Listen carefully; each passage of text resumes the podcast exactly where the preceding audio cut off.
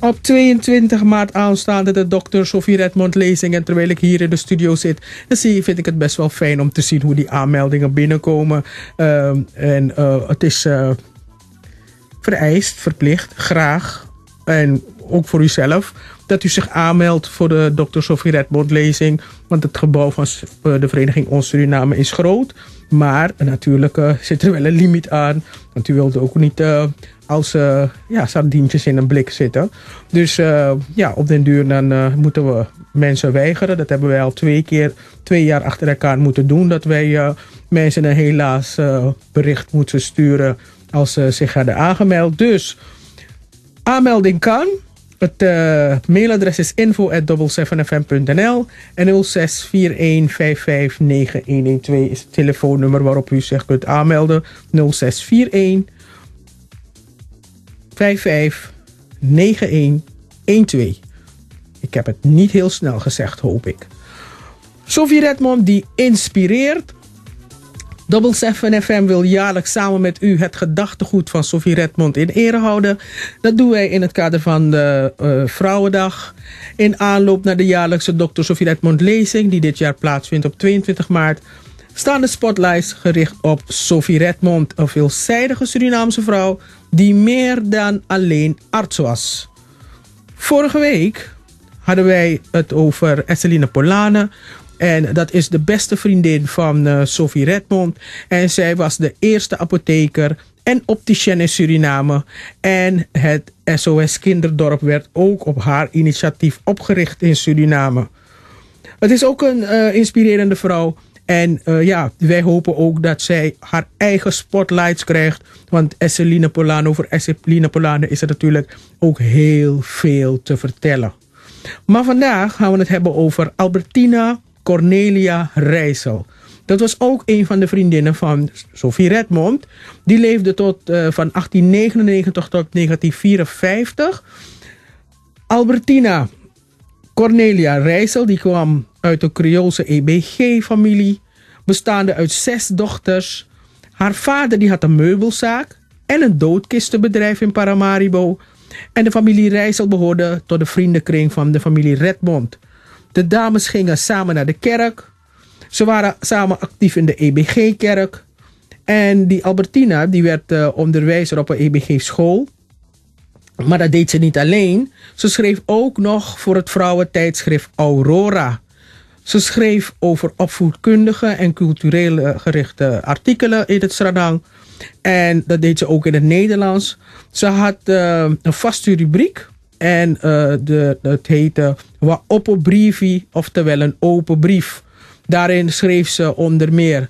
Uh, ze schreef over uh, opbouwende artikelen in het Suriname. Ze schreef over het gedrag van het kind, de verhouding tussen vader en moeder, tussen ouders en kinderen, de invloeden die deze verhoudingen hebben op het kind en hoe een mens wordt wat hij is. Ze deed dat onder de, haar pseudoniem en dat was O.P. Bouw, oftewel opbouw. O.P. Bouw. En ja, uh, mensen ja, die uh, lazen het graag. Een van de andere vriendinnen van, uh, of vrienden van Sophie Redmond was Jack Riesrun. En het was, hij was een van de Dr. Sophie Redmonds beste vrienden. Hij zat samen met haar op de Hendrikschool en hun ouders waren kennissen van elkaar. Jack's vader die was uh, wiskundeleraar en, uh, op de Hendrikschool. En hij was ook nog lid van de koloniale staten van Suriname. Oh. De moeder van Jack was onderwijzeres op de Wilhelmina school. En Sophie Redmond en Jack die hebben in hun uh, kinderjaren vioolspel gehad van de heer Bueno de Mesquita. En veel mensen kennen hem als Ban de Mesquita. Bamba de Mesquita rijden automobiel. Er was ook een andere Bueno Mesquita. En uh, de Bueno, bueno de Mesquita heette hij eigenlijk. Bueno de Mesquita. En, uh, en die andere die gaf vioolles. In de eerste instantie vond Bruno de Mesquita het geen goed idee dat Sophie Redmond vioolles zou volgen. Omdat hij uh, vond dat ze eigenlijk een beetje te oud was. Want ja, je moest er heel jong mee beginnen. Wilde je er goed in, uh, in worden. Maar hij heeft een gesprek met haar gehad. Omdat hij toch nog wel benieuwd was, naar deze Sophie. En ze mocht langskomen voor een kennismakingsgesprek. Nou, nadat hij met haar uh, kennis had gemaakt. Toen was hij heel tevreden over Sophie. En natuurlijk heel belangrijk, zij was ook tevreden over hem. En ja, ze kreeg een viool van haar vader en gaf zich met hart en ziel aan die studie. Mama Mesquita, meneer Bueno de Mesquita, die vertelde later aan vader Redmond dat Sophie zijn eerste leerling was die op zo'n leeftijd was begonnen en het toch zo ver had geschopt. Na het overlijden van de heer de Mesquita, Banba Mesquita dus, wilde Sophie Redmond haar vioolstudie niet meer voortzetten onder een andere vioolleraar en ze stopte met die vioollessen. Nou, in die tijd toen uh, Jack Jesseren, waarover we het hadden, de beste vriend, een van de beste vrienden en Sophie Redmond samen vioollessen volgden, was vioolles alleen maar voor jongens.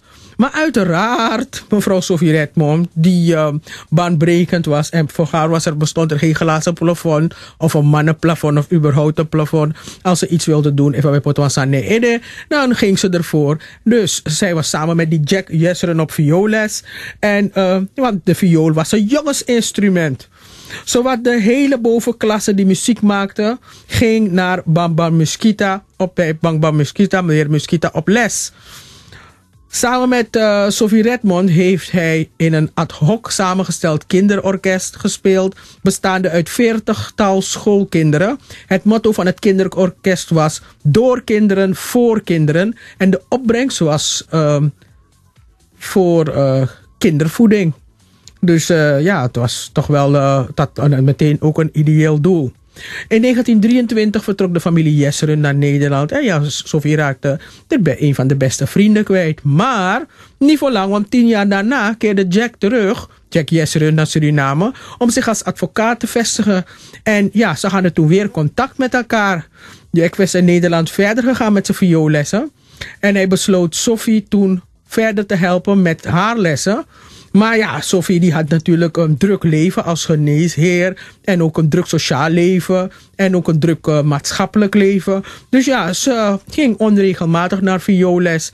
En ja, waardoor ze het uh, een beetje ja, niet, zo, uh, niet zo ver heeft geschopt met haar viool dingen. Als met haar vioolspel. Als misschien wel gekund had. Tot zover Sophie Redmond. Alles wat wij u vertellen halen we uit het proefschrift van dokter Sylvia Kortram, meer dan arts alleen. De maatschappelijke betekenis van huisarts Sophie Redmond in laat-koloniaal verleden uh, en um, laat-koloniaal Suriname. Sylvia Kortram die, uh, is gepromoveerd op 16 januari vorig jaar op dokter Sophie Redmond. En um, als u uh, dat boek van, uh, waarin haar proefschrift gebundeld is wil, dan kunt u een mail naar haar sturen. Aan mailadres is smkortram.quicknet.nl smkortram.quicknet.nl Ik moet u wel vertellen dat de laatste keer dat ik er sprak, en dit is geen verkooppraatje, die is aan miwa horia spoto of miwa hari, meki snel voorbij. Maar de laatste keer dat ik er sprak, zei ze tegen me dat ze niet meer zoveel uh, boeken had. En dat ze uh, doende was om weer uh, een aantal te laten bijdrukken. Maar dat, gebeurt, dat gaat natuurlijk niet heel snel. Dus uh, mocht u interesse hebben, stuur haar een mailtje. smkortram.quicknet.nl is haar mailadres. En dan kunt u veel meer lezen over uh, Dr. Sophie Redmond, haar vrienden, haar familie, haar, haar bezigheden. Nou, dat is best wel spannend wat Sophie Redmond allemaal doet. Ja man!